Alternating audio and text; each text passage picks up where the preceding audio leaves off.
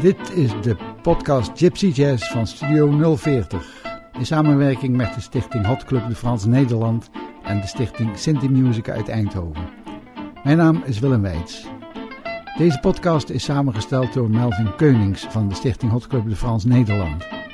In deze aflevering is Flip Kraaienbrink te gast. Flip speelde in talloze Hot Club de France formaties en toerde jarenlang als ritmegitarist met Gypsy Jazz grootmeester Fabi Lafertin langs de internationale jazzpodia. Hij is een echte kenner van de muziek van Django Reinhardt en ook medeoprichter van de stichting Hot Club de France in Nederland in de jaren 80. In deze aflevering horen we een interview van Melvin Keunings, de huidige voorzitter van de stichting Hot Club de France, met Flip over de beroemde gypsy jazz gitaren. Maar we beginnen natuurlijk met muziek. Het eerste nummer dat we horen heet Avalon. En het is een opname van Django Reinhardt en violist Stéphane Grappelli met het orkest van Michel Warlop uit 1935.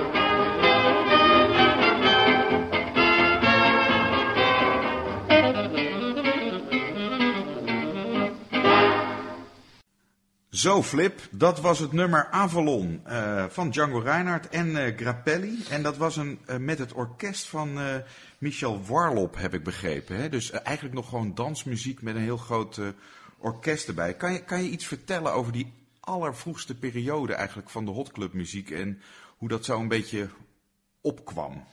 Ja, nou, in ieder geval om te beginnen heel erg leuk dat we, we vandaag de focus leggen op met name de de rol van de gitaar in de jaren 30, 40.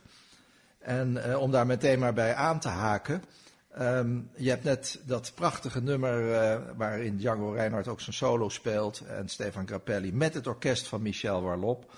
Uh, dansorkesten had je natuurlijk in de jaren 30, 40 uh, bij de Vleet.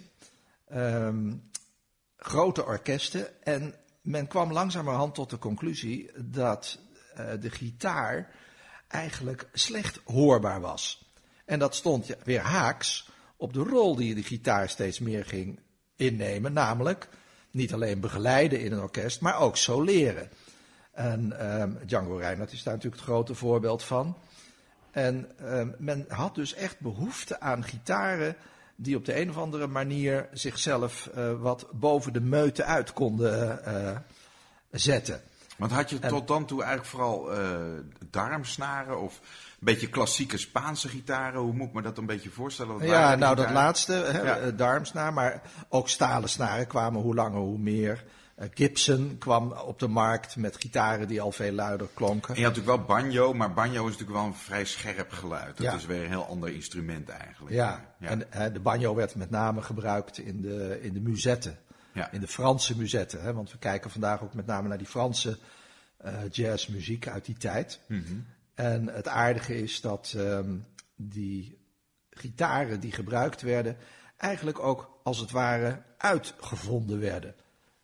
ja. En um, Want Dus wat, was er dan speciaal? Wat, wat veranderde er eigenlijk dan aan de gitaar? ja, nou, wat veranderde er aan de gitaar? Um, men ontwierp gitaren die zo luid mogelijk klonken. En dat had met name te maken met de bouw.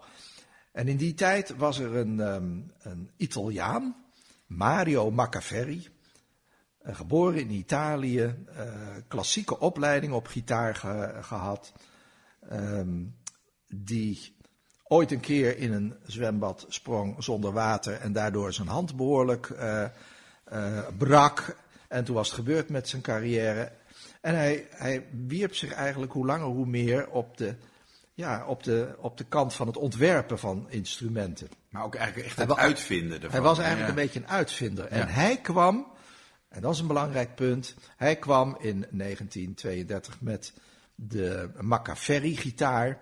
En dat was een gitaar waar in de klankkast een aparte klankdoos zat.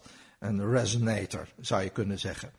En het bijzondere van die gitaar was dat ehm, de klank, als je erop speelde, als het ware geconcentreerd werd en door die inwendige klankkast geprojecteerd werd en extra luid naar buiten kwam. Die gitaar had ook een enorm klankgat. En als je de plaatjes ziet, dan lijkt dat op de letter D.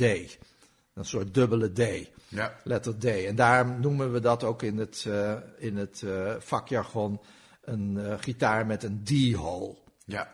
Later kwamen gitaren met een kleiner gat, de oval hole, maar daar hebben we het straks misschien nog even over. Ja, maar het En- begon dus met zo'n gitaar met een klankkast er extra in. Een extra Ja. kast in de gitaar. En zo'n heel grote uitgang eigenlijk. Een diehol. Ja. En dat stelde de, de gitaristen die wilden soleren ook in staat om zich letterlijk hoorbaar te maken in een groter orkest. Men had nog helemaal geen eh, elektronische versterking. Hooguit eh, was het iets heel simpels, één microfoon voor het hele orkest. Ja. Dus ga maar na. ja. En dat was ook in de opnames zo. In die opnamestudio's had je natuurlijk ook vaak maar dat ze met z'n allen rond één microfoon stonden. Dat was allemaal heel simpel, ja. Want het volgende nummer waar we naar gaan luisteren, dat is Limehouse Blues. Dat is uit 1935, dus Ja. ook nog echt uit de beginjaren van de opnames van het Hot Club de France. En wat, is wat kunnen we bijvoorbeeld in deze opname horen? Nou, twee dingen. In de eerste plaats is het een opname van het quintet du Hot Club de France. Dat was natuurlijk het orkest van Django Reinhardt op gitaar, Stefan Grappelli op hotviool en begeleid door twee eh, begeleidende gitaren en een contrabas. Dus het was all-string orkest. En daarmee eh, heeft dit vijftal enorm eh furoren gemaakt in de jaren dertig.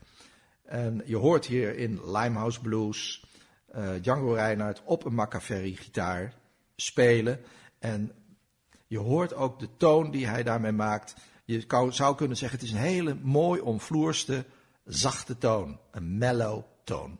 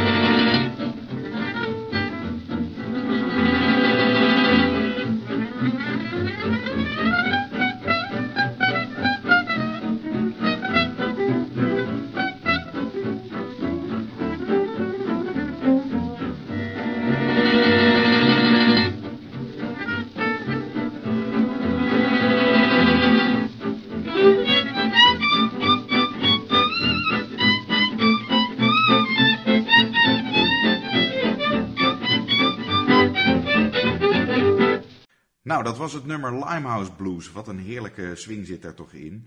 Uh, wat mij dan altijd opvalt, we hebben het dan over Selmer gitaren en Selmer, maar dat is toch eigenlijk Selmer kennen we nu vooral als een fabriek die saxofoons en klarinetten en zo maakt.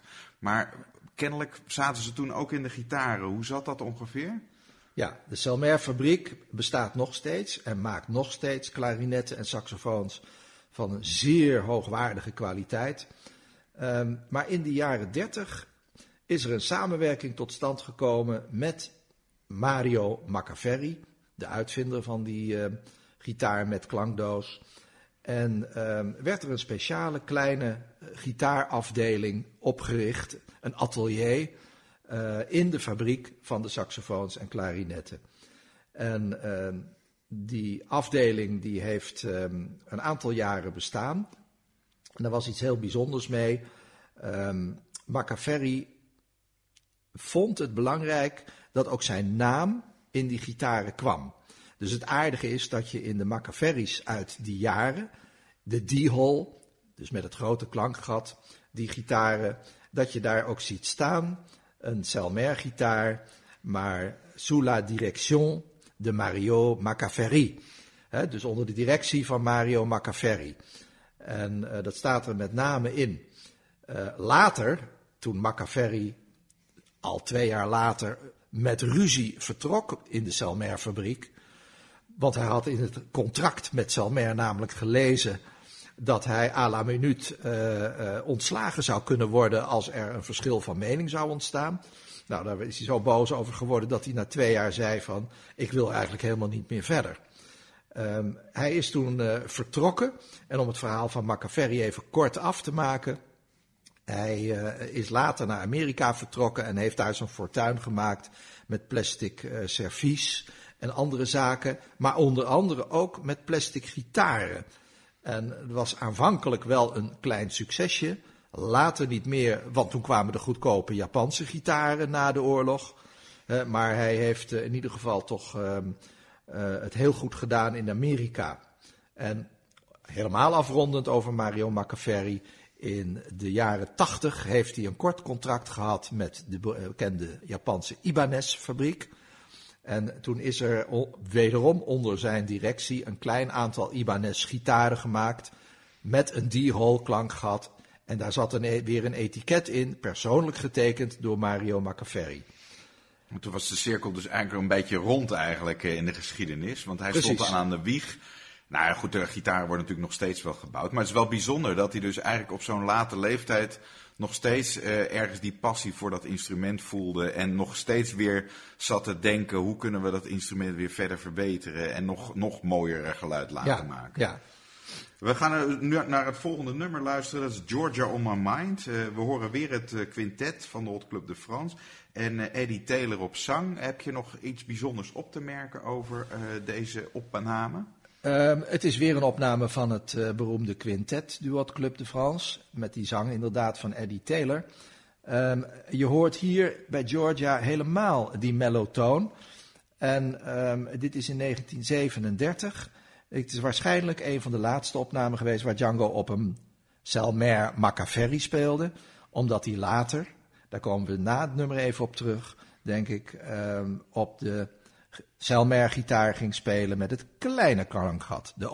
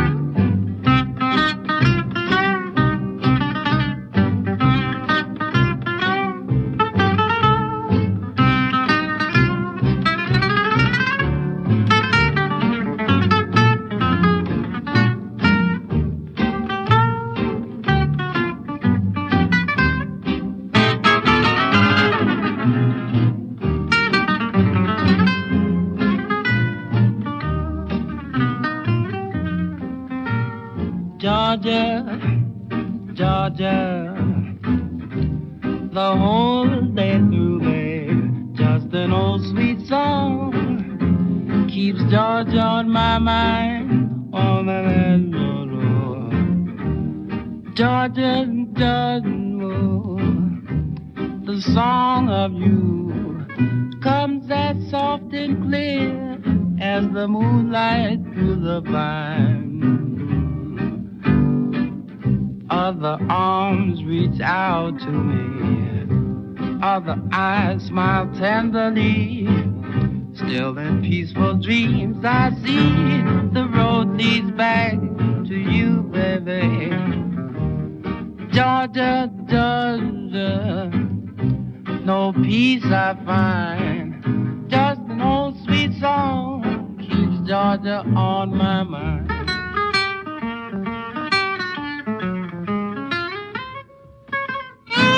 Nou,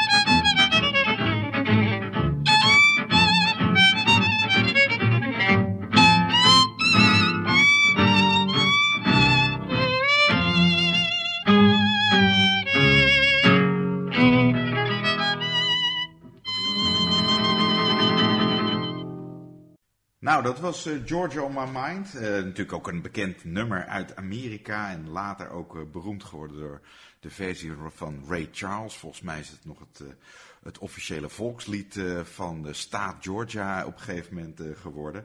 Maar het was al een, een hit in de jaren 30. En ook Django Reinhardt speelde dat en nam dat op. Nou, in het begin, uh, de jaren 30, uh, werden die gitaren dus gebouwd in die uh, Selmer-fabriek. kan je iets, wat weten we eigenlijk van die gitaren? Want volgens mij is er ook een heel dik boek over verschenen en is een heel register. En hoe ja. werden ze dan verkocht? Kan je daar misschien wat over vertellen? Ja, nou, de gitaren die werden in de Selmer-fabriek in Parijs gemaakt. En werden niet alleen in Parijs, maar ook geëxporteerd naar een aantal muziekhandels, bekende muziekhandels uit die tijd. Zo had je Stalens in Brussel. Je had uh, een Selmer uh, uh, afdeling in Londen, waar heel veel Selmer gitaren verkocht zijn. in Rotterdam had je de bekende muziekhandel Hackert, die een aantal gitaren verkocht heeft. En in Amsterdam had je op het Spui een bekende winkel, waar later Eddie Christiani altijd um, verheerlijkt uh, in de etalage, likkenbaardend, naar het Selmer heeft staan kijken. En um, de gitaren die, um, misschien wel aardig om iets te vertellen over uh, de samenstelling van de gitaar. het aardige is dat de gitaren een bovenblad hebben wat als het ware een insnede had, net als een mandoline, dus een gekanteld bovenblad. En dat zag je eigenlijk nooit bij gitaren. Maar dat hebben die Salmer-gitaren wel. Het bovenblad is gewelfd. een soort archtop gitaar. Maar dan toch anders. En um, er werd Europees fichte gebruikt. En voor de zijkanten werd gebruik gemaakt van Indisch palisander. Wat gelamineerd was. Ook wel een beetje bijzonder in die tijd. Eigenlijk een redelijk goedkope manier van gitaren maken. Maar ja, de klank was uiterst bijzonder en nog steeds um, uh, zeer gezocht bij uh, verzamelaars en uh, muzikanten. Um, nou, dat even over waar werden ze verkocht. je had nog een, een vraag net. Ehm. Nou ja, waar, waar, werden ze verkocht en ook hoe werden ze dan een beetje verhandeld? Want ik heb ook begrepen dat Django Reinhardt bijvoorbeeld, die gaf heel veel concerten. Ja. Dat was eigenlijk ook een soort lopende ambassadeur uh, want uh, je zou denken, hij speelt altijd op dezelfde gitaar. Maar hij had bijna ieder, ieder eh, concert weer een andere gitaar en die verkocht hij bij wijze van spreken ter plekke. Alles was te koop. eh. Alles was te koop en Django wisselde ook wel redelijk snel van gitaar. Maar hij ging toch van die, die D-hole Selmer over op de Oval Hole. Ja. Zo rond 1937. Hè, je ziet dat ook op foto's. Er is een prachtig boek verschenen over Django Reinhardt en over deze gitaren. En eh, dat is gemaakt door François Charles. Eh, het is als het ware de Bijbel eh, voor de mensen die geïnteresseerd zijn in Selmer gitaren. Met ook een zo volledig mogelijk register van wat weten we van de gitaren die gebouwd zijn, wat weten we waar ze nu in bezit zijn, enzovoort. En wat is ook een stukje geschiedenis, want op veel van die gitaren zijn ook platen opgenomen of zijn ze tijdelijk in bezit geweest van een, van een beroemde muzikant of wat Ja. dan ook. Ja. Ja. En wat was nou eigenlijk dan de reden dat, dat de Selmer-fabriek of nou ja, de, de, de club overstapte van die D-hole naar de Oval Hole? Want in eerste instantie ging ook die klankkast er geloof ik uit, want dat was dan Ja. toch het, het, het, de, de, het patent van Machiavelli en eh, eh, daar is een hoop ruzie over geweest. Hoe zat dat ook alweer? Ja, ja Machiavelli was eh, uiterst slim toen hij met zijn eh, Selmer Machiavelli D-hole eh, kwam, met dat ontwerp. Want hij liet dat ook patenteren. En het aardige is, kijk, ik heb hier die gitaar. En je ziet hier in de kop van de gitaar, daar staat dus Selmer. Maar erboven, kijk maar, dat zie je Ja. aan deze kant, zie je ook dat patentnummer staan. Machiavelli heeft dat zijn uitvinding gepatenteerd. En toen hij na twee jaar met ruzie vertrok bij de Selmer-fabriek, mocht de Selmer-fabriek ook niet meer doorgaan met de productie van de gitaar met klankkast. En wat deed de fabriek? Men ging door met de productie van de D-hole zonder klankkast, dubbele klankkast van binnen. En de etiketten die erin zaten, dat is heel opvallend. Die zijn, eh, daarbij is de naam van Machiavelli, hè, want er staat normaal in Selmer Machiavelli, sous la direction de Machiavelli. Eh, daar is de, dat sous la direction de Mario Machiavelli is met Oost-Indische inkt pikzwart gemaakt. Men gebruikte dus steeds dezelfde etiketten. Ja. En die zijn er dus ingeplakt. En toen is er eerst een productie geweest. Dus eh, van de D-hole eh, zonder die extra klankkast. En toen is Selmer overgestapt om gitaren te maken met het kleine klankgat. Petit Bouche. Petit bush, in het Engels de oval hole, omdat Ja. het een ovaal gaatje is. Ja. Ik heb hier nog een Selmer liggen. Kijk. Als je die nou naast de D-hole zet, dan zijn er wel een paar dingen die opvallen. Maar eh, misschien is het. eh, Nou, ik geloof dat, dat we nu de- naar- de- wat, wat ook gebeurde was dan dat eh, de, de lengte van de hals werd ook langer. Hè? Bij Ja. de oval hole. de mensuur er- noem je dat. Ja, Ja, er kwamen er extra fretten bij, zou ik maar zeggen. Kon je nog net even wat hoger soleren, zeg Ja. ik dan maar even met mijn lekenkennis. ja inderdaad. Nou, eh, we gaan even naar een, eerst naar een volgend nummer eh, luisteren. Dit is natuurlijk een van de allerberoemdste nummers van eh, Django Reinhardt en Grappelli. Een eigen compositie van Django, Minor Swing. Wordt ook al vaak op de jam sessies eh, gespeeld, dit nummer. Als- en we gebruiken het ook in deze podcast als herkenningstune. Waarom heb jij nog dit nummer gekozen en wat valt jou nou op eh, met jouw oren op dit nummer? Ehm, en nou, het aardige is dat hier Django toch op een oval hole gaat spelen. En het verschil moet ik wel zeggen, ik had het over die mellow tone bij de D-hole gitaren. De oval hole gitaar klinkt veel agressiever. Ja, En eh, had ook een, weer een groter volume, ondanks dat kleine klankgat. Eh, maar dat hoor je hier bij Minor Swing wel, eh, wel heel goed. Het aardige is overigens dat Minor Swing ook in een ontzettend relaxte swing is.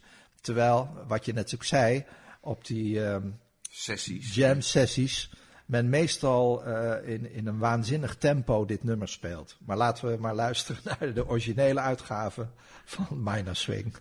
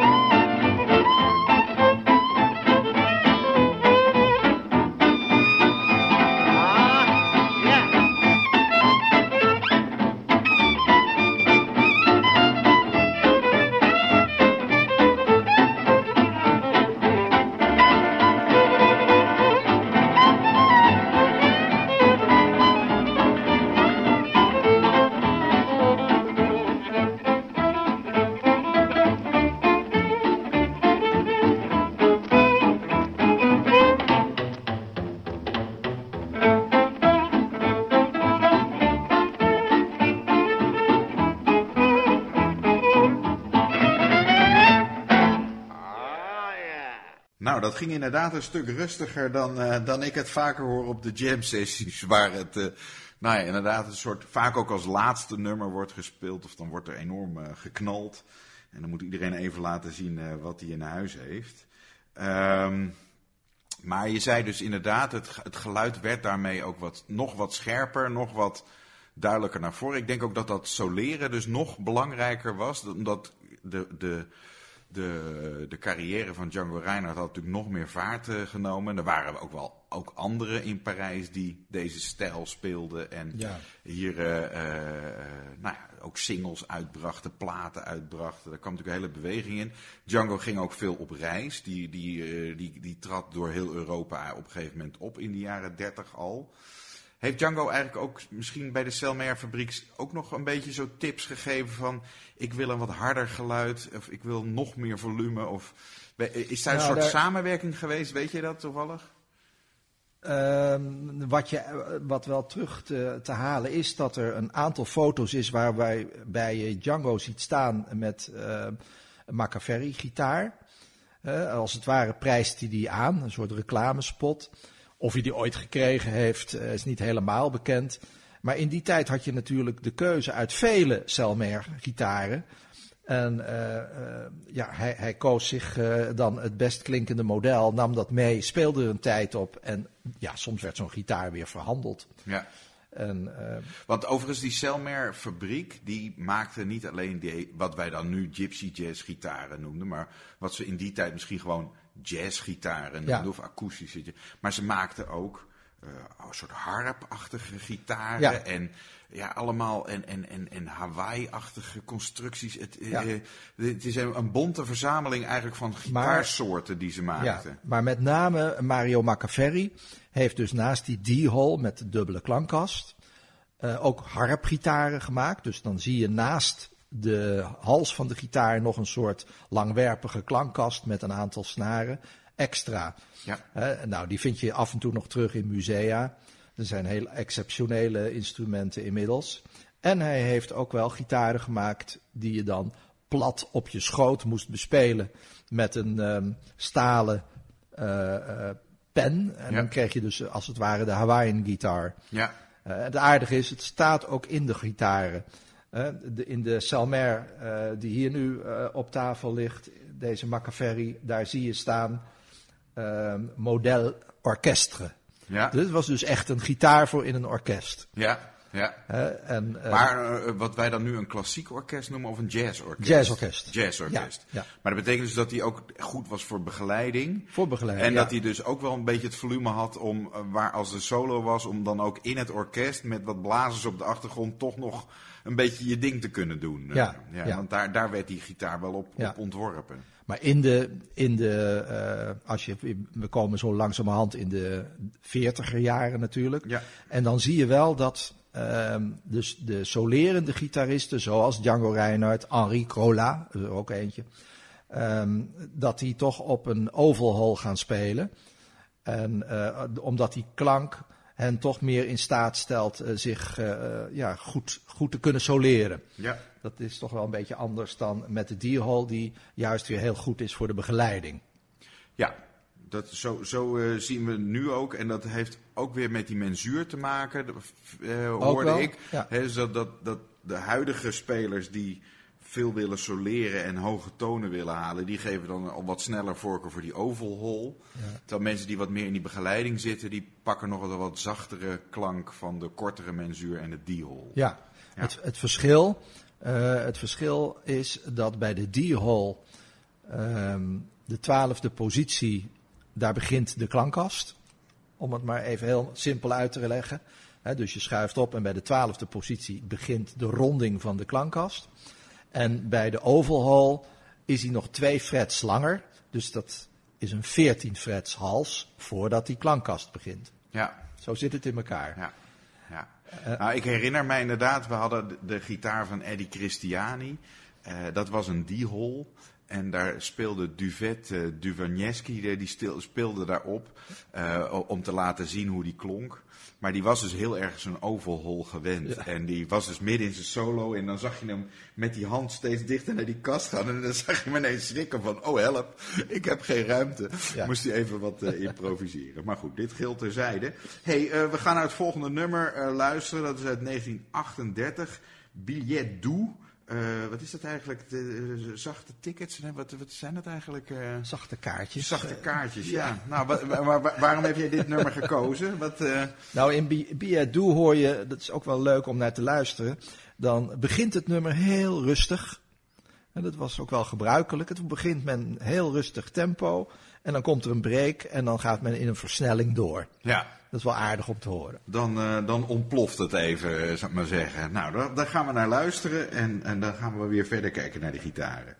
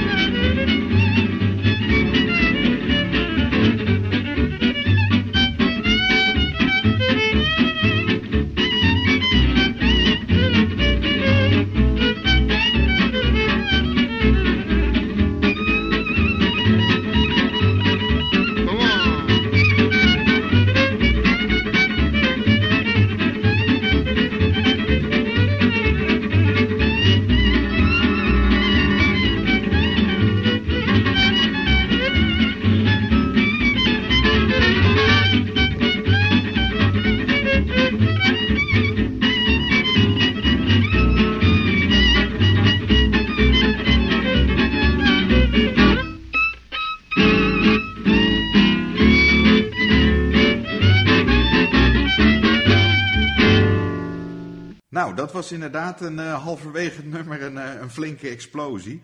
Wat is er toch een heerlijke muziek. Uh, we gaan eens even kijken, wat, wat gebeurde er nou eigenlijk met die Selmer-fabriek ook in de loop der tijd? Mario Machiavelli ging weg, die, die, dat, die klankkast ging er dus uit, want er zat een patent op. Later kwamen die oval holes. En ze bleven gewoon, ook gewoon dan wel gitaren produceren, dus de, de, in de jaren 40 nog.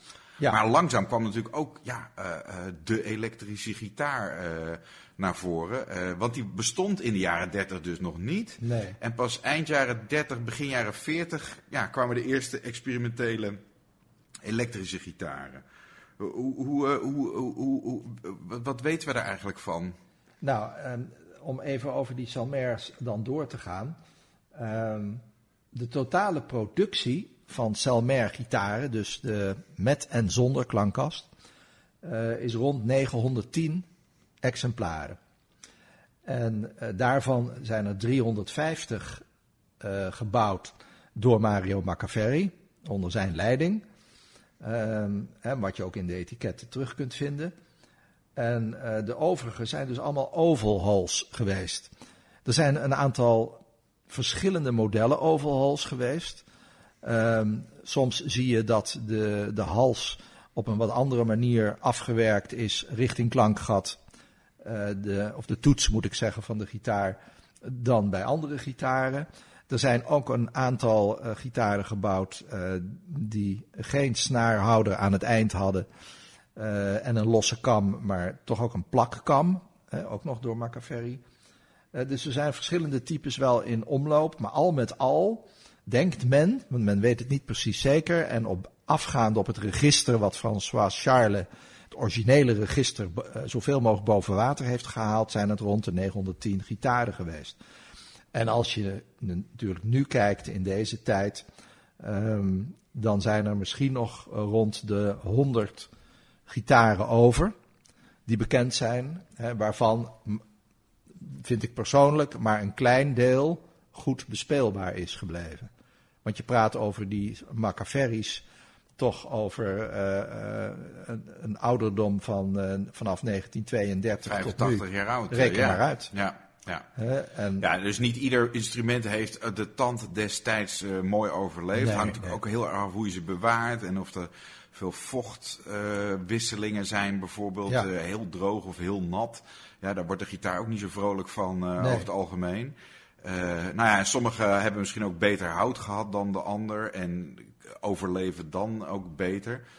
Is het nou eigenlijk met, met uh, goede gitaren zo, net als met, met, met, met, met violen, met Stradivarius of met wijn, dat ze eigenlijk steeds mooier gaan klinken? Of uh, hoe, hoe zit dat eigenlijk met dat gitaren? is met gitaren niet per se zo. Nee, niet per se. Nee. En uh, met Selmer-gitaren is het ook zelfs zo dat juist omdat dat een, die gitaren een gebogen bovenblad hebben, uh, daar staat spanning op. Hè? En doordat de snaren over de kam lopen en die kam drukt op dat bovenblad, um, krijg je in de loop der jaren wel dat gitaren kunnen inzakken. Ja. Hè? De, en dat, dat de fut eruit gaat, als het ware. Dus daarom zei ik al van die misschien honderd Selmers die er nu nog te boek staan en bekend zijn, um, is maar een klein gedeelte echt goed bespeelbaar. En ik heb ook begrepen dat het ook er toch altijd een soort uitdaging is om dat bovenblad relatief dun te maken. Want hoe dunner het is, hoe meer het kan vibreren Ja. en, en kan werken eigenlijk als een drumvel. Maar ja, een uh, uh, heel dun bovenblad levert natuurlijk ook wel. Het is ook kwetsbaarder. Hè, als je gewoon een lekkere dikke plank hebt, dat, uh, dat gaat nog wel een tijdje mee. Maar iets wat heel dun is, dat is natuurlijk ook kwetsbaarder. Ja, ja. ja. Daar heb je helemaal gelijk in. En het is ook opvallend hoe dun dat bovenblad van Selmer gitaren is. Echt uiterst dun. En, um, maar aan de andere kant toch heel krachtig. Het is uh, Europees vichte. Uh, wat er altijd voor gebruikt is. Het werd niet ergens uit een ander land geïmporteerd of zo. Door, Ja. Frank, door de Selmer fabriek. Het kwam allemaal uit Europa. En um, ja, hout werkt altijd. Hè? Dus op je vraag van, wordt zo'n gitaar nou in de loop der jaren alleen maar beter?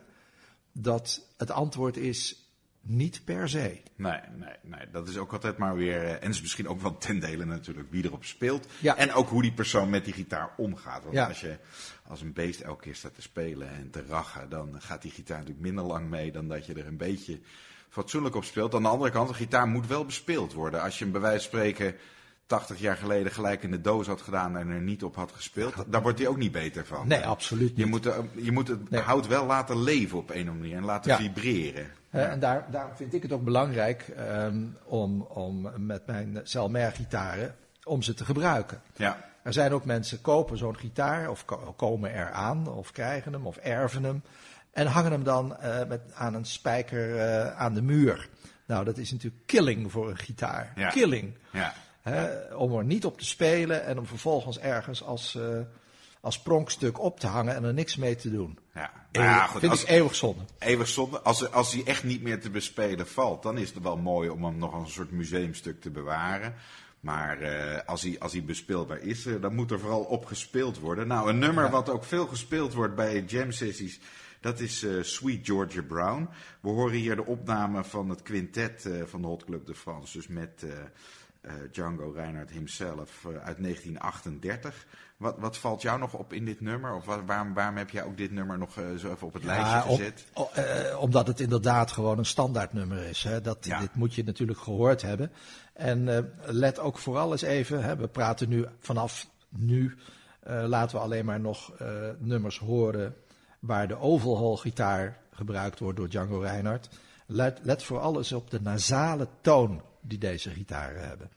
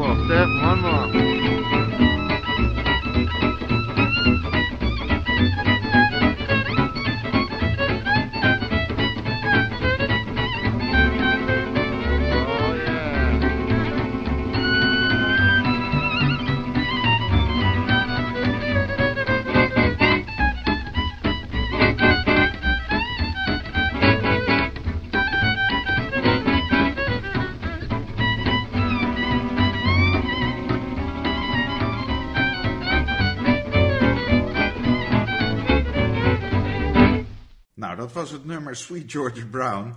Dat, dat, uh, dat, ging weer lekker van Jetje. Hartstikke goed. Uh, nasale toon. Ja, dus er zit wel degelijk een, toonvers een kleurverschil tussen die D-hol en oval Ja. Aan de andere kant, het zal ook wel te maken hebben met welk plektrum je speelt. En, en nou ja, wat je sound is als gitarist.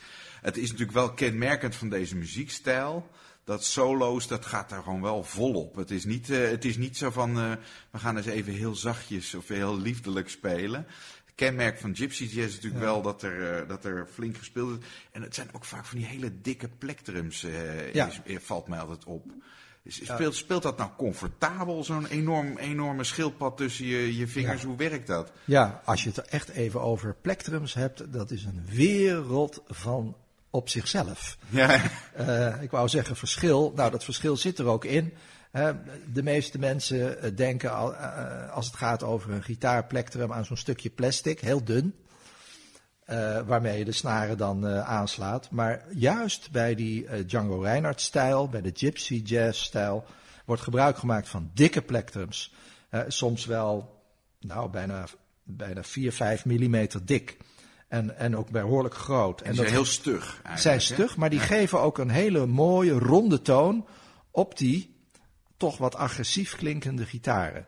En ehm, de meest ideale plektrum is de plektrum die van schildpad gemaakt is. Ja, ja. Eh, dus maar dat is inmiddels een beschermde diersoort, dus uh, inmiddels kom je daar niet echt mee weg. maar er zijn, je kan soms nog wel op marktplaatsen, weet ik, kan je artikelen kopen van uh, turquoise, hoe heet dat spul? Dat, dat, dat schildpad uh, schild. Ja.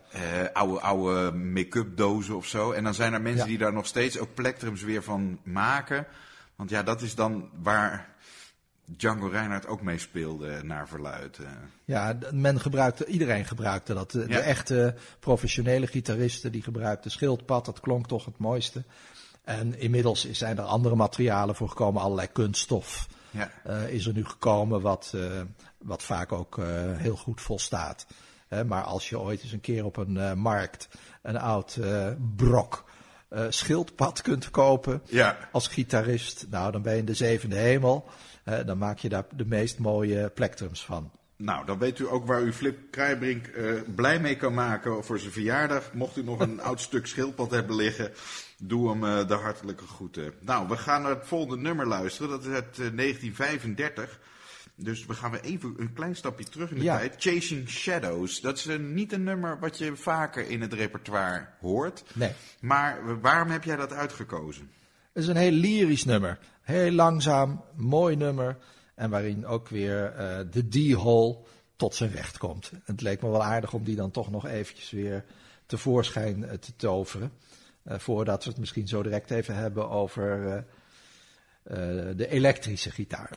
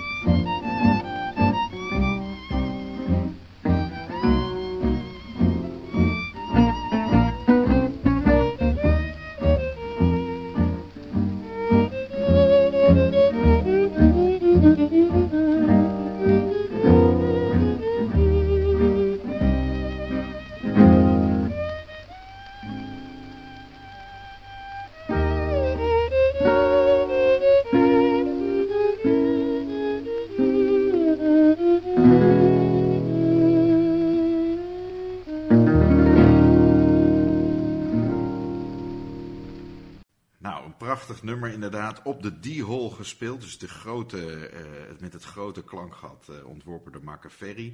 We maken even een sprongetje in de tijd. Uh, in de begin jaren 40 werden de dansorkesten in Amerika ook steeds populairder. En kwam daar ook vooral de elektrische gitaar op. aan de ene kant had je dus akoestische gitaren die met een element echt gingen werken. En aan de andere kant had je echt gitaren die waren werden ontworpen gewoon waar het hele uh, element al in zat. En die dus echt als elektrische gitaar zijn ontworpen. En die dus zonder element ook eigenlijk nauwelijks klinken. Die hebben sowieso dat element nodig. Ik geloof dat er, uh, dat er dus een soort overgangstermijn is geweest. Dat uh, uh, Django dus dan een, een, een, element toevoegde aan de Selmer-gitaar. Dat noemden ze een steamer, geloof ik. Een enorme reep chocola van, uh, nou wat is het, aluminium, zink, ik weet niet eens ja. waar het van maken. Hoe, hoe zat dat precies?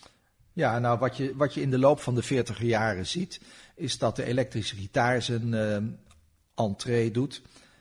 in Amerika komt Gibson daar als eerste mee. Aanvankelijk waren dat nog akoestische gitaren waar een element als het ware bovenop lag. Ja. maar dan niet meer met een klankgat, maar met twee F-gaten. Net, ja. zo, net, zoals bij een contrabas of bij een viool. Ja. En dan had je dus mooi de ruimte om daar een, onder de snaren een, uh, een rechthoekig uh, element te bouwen. Aanvankelijk waren het gitaar met één element. En um, uh, in Frankrijk um, werd dat nog niet zo erg geïmporteerd, maar kwam wel de um, Stimer fabriek, of fabriek in ieder geval, een, een product onder de naam Stimer. Dat was eigenlijk een, uh, een klein uh, element wat je dan tussen het klankgat in de overhol kon klemmen. Ja. En Django Reinhardt heeft daar uh, ook van gebruik gemaakt. En als je zijn, de opname luistert van in de laatste jaren van zijn leven, hij heeft natuurlijk maar, hij is maar 43 geworden, hij heeft kort geleefd. Hij is in 53 overleden. En die, als je die laatste, in die laatste vier, vijf jaar die opname hoort, dan speelt hij vaak elektrisch, bijna alleen maar elektrisch. Hij gaat ook experimenteren met die bob-stijl, bebop-stijl. En hij gebruikt daar zo'n stimer-element voor, wat dan over dat klankgat ligt. En uh, in het nummer uh, wat we zo direct misschien kunnen horen, Songe d'automne, is, uh, is dat heel goed hoorbaar. En je hoort dan eigenlijk ook de stijl van Django Reinhardt. Hij, hij heeft meer mogelijkheden, hij kan zelfs iets sneller spelen. Uh, en ondanks dat het een elektrische gitaar is, klinkt het toch weer rond, lyrisch en echt Django.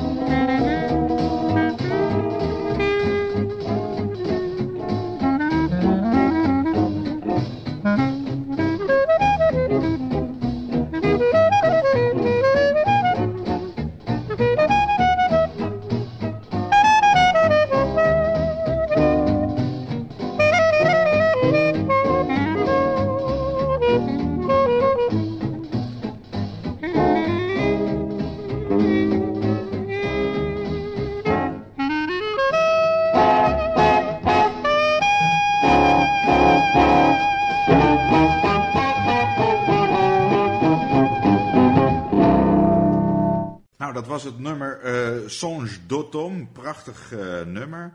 Ik zit me af te vragen, was dat ook het nummer wat gespeeld werd uh, bij het zinken van de Titanic?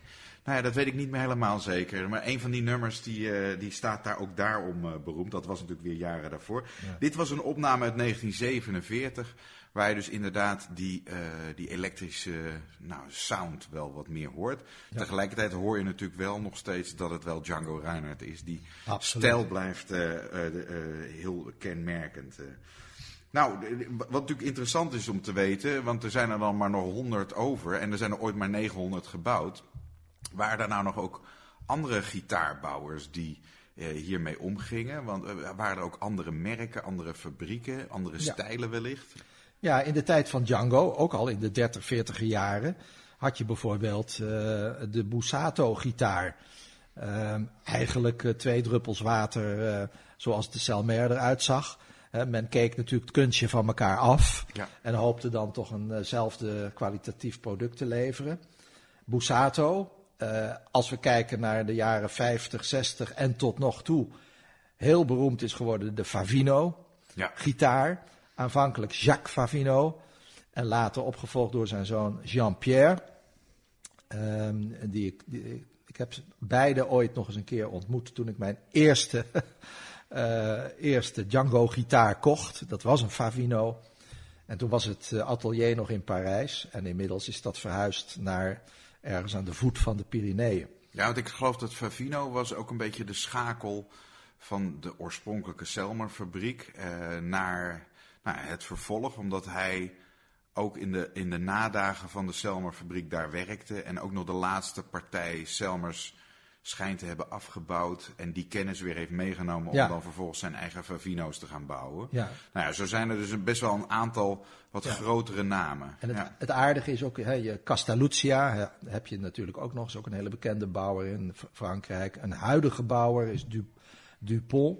Hm. En laten we niet vergeten, we hebben ook in Nederland gitaarbouwers. ja, Ehm, als ik denk bijvoorbeeld aan ehm, Leo Eimers, ja, ehm, die in Nederland een hoop, eh, een hoop deskundigheid eh, in huis heeft als het gaat om het restaureren van een, wat ik ooit gezien heb, compleet verbrijzelde Selmer gitaar. Eh, van een Duitse eigenaar. Er een auto-ongeluk, gitaar was echt aan gruzelementen. En die heeft hij weer fantastisch eh, herzien en, ehm, eh, en, en, en, en hersteld en weer heel bespeelbaar gemaakt. ja. Eh, dat is eh, Leo Eimers, die doet dat eh, geweldig. En die heeft ook aan de gitaar, aan de Machiavelli van eh Eddie Christiani, eh, in opdracht eh, van de Hot Club eh, de France Stichting Nederland, ehm, heeft hij die, gitaar eigenlijk weer eh, opgeknapt en ehm, zodanig gemaakt dat hij weer goed bespeelbaar is. Ja, ja. En dan heb je in Nederland, ha- had je Ger Boonstra, die is helaas vorig jaar overleden, maar die maakte ook eh, heel wat gitaren. Ja. Thijs van der Harst eh, maakte gitaar, Rino van Hooijdonk maakte, Maakt maakt nog steeds eh, gitaren. Thijs ook als je, als je de opdracht geeft. Dus we hebben best wel ook wel wat bouwers in Nederland. Eh, nou ja, interessante bouwers, interessante modellen. Iedere bouwer heeft natuurlijk toch wel misschien zijn eigen kenmerken of zijn eigen opvattingen over Ja, hoe je absoluut. gitaren maakt. Want dat is nog een hele wetenschap op zich, hoe je zo'n hoe je de stevigheid in, een, in een gitaar krijgt en tegelijkertijd heel veel klank eh, krijgt. Nou, precies. Hè? En dat is natuurlijk, eh, nu we afrondend over de gitaarbouwers spreken. Het aardige is dat iedereen heeft geprobeerd om, laten we zeggen dat de Selmer gitaren de heilige graal is. Ja, Hè, er zijn heel veel bouwers die allemaal geprobeerd hebben om die heilige graal ook na te maken. En de een is daar beter en de ander minder in geslaagd. En eh, eh, met alle respect voor gitaarbouwers. Maar men iedere gitaarbouwer heeft zo zijn eigen opvattingen. Ja. Die soms heel ver gaan. En ehm, ja, iedereen eh, probeert toch de kenmerkende sound en de kwaliteit van zo'n originele Selmer te benaderen. nou er zijn geloof ik ook mensen die dan echt een soort replica wensen. Dus dan wordt de gitaar eigenlijk eerst nieuw gemaakt. En dan wordt hij daarna nog eens een keer uh, half geruineerd om maar, uh, om, om maar nog wat, wat ouderwetser te lijken. En dan wordt er gewoon expres nog wat, wat schade aan toegebracht. Ja, zodat hij er origineel uitziet. Of wat oude, eh, de lak wordt zodanig aangebracht dat hij eh, verweerd oogt en Ja. oud is. Ja, Ja, dat komt natuurlijk ook wel omdat die hele oude modellen een hoop waarde hebben. En er dus ook zelfs vervalsingen worden gemaakt. En, en, en dus eh, eigenlijk gewoon mee geklooid wordt om maar te kijken, kan ik er een, een leuke zakcent aan verdienen? ja. Hè, er, zijn Selmers waarvan het bovenblad eh, helemaal kapot is en eh, niet meer werkt. En waar dan een, een, een goedkoop blad op gezet werd en dan wordt en dan onder dat mom voor, eh, voor een vermogen eh, te koop wordt aangeboden. Ja. Ja, Ja, en een bovenblad is niet, zullen we maar zeggen, even een bandje wat je vervangt bij een auto. Dat is eigenlijk wel de ziel van de gitaar. Ja. En als je dat soort dingen gaat vervangen, ja, dan is het eigenlijk geen originele gitaar meer. nee. Nee, nee. nee. Nee, we gaan nog eh, naar het, een, nog een, een nummer luisteren. Blues for Ike. Eh, dat is dan uit 1953. Dus dat is eh, eigenlijk eh, een paar maanden voor zijn overlijden Ja. opgenomen. Waarom heb je deze uitgekozen? Wat is bijzonder aan Blues for Ike? Nou, het, het aardige is dat het een blues is. Eh, ehm, heel veel gypsy-gitaristen ehm, spelen geen blues. Eh, voelen, het, voelen de blues niet aan. En het aardige is dat je in dit nummer Django een blues hoort spelen. Ja, zoals een blues gespeeld moet worden. Ja. Dus het is een prachtig afrondend nummer. Nou, Flip, onwijs bedankt voor eh, al jouw wetenswaardigheden. We kunnen hier nog uren over doorgaan. Hopelijk gaan we nog een keer een vervolguitzending maken. Eh, dat graag op een ander moment. Maar wij gaan in ieder geval nu luisteren naar Blues for Ike. Graag gedaan.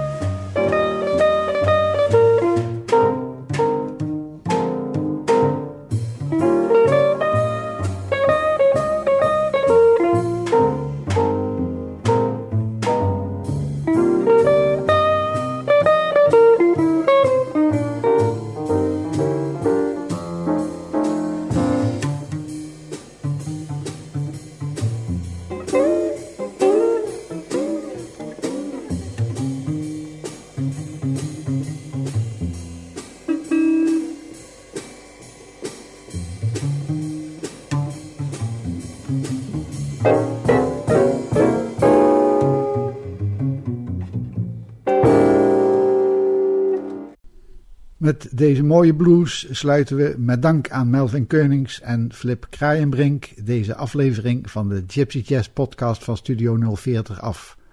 Ik ben Willem Weits, bedankt voor het luisteren en tot de volgende keer.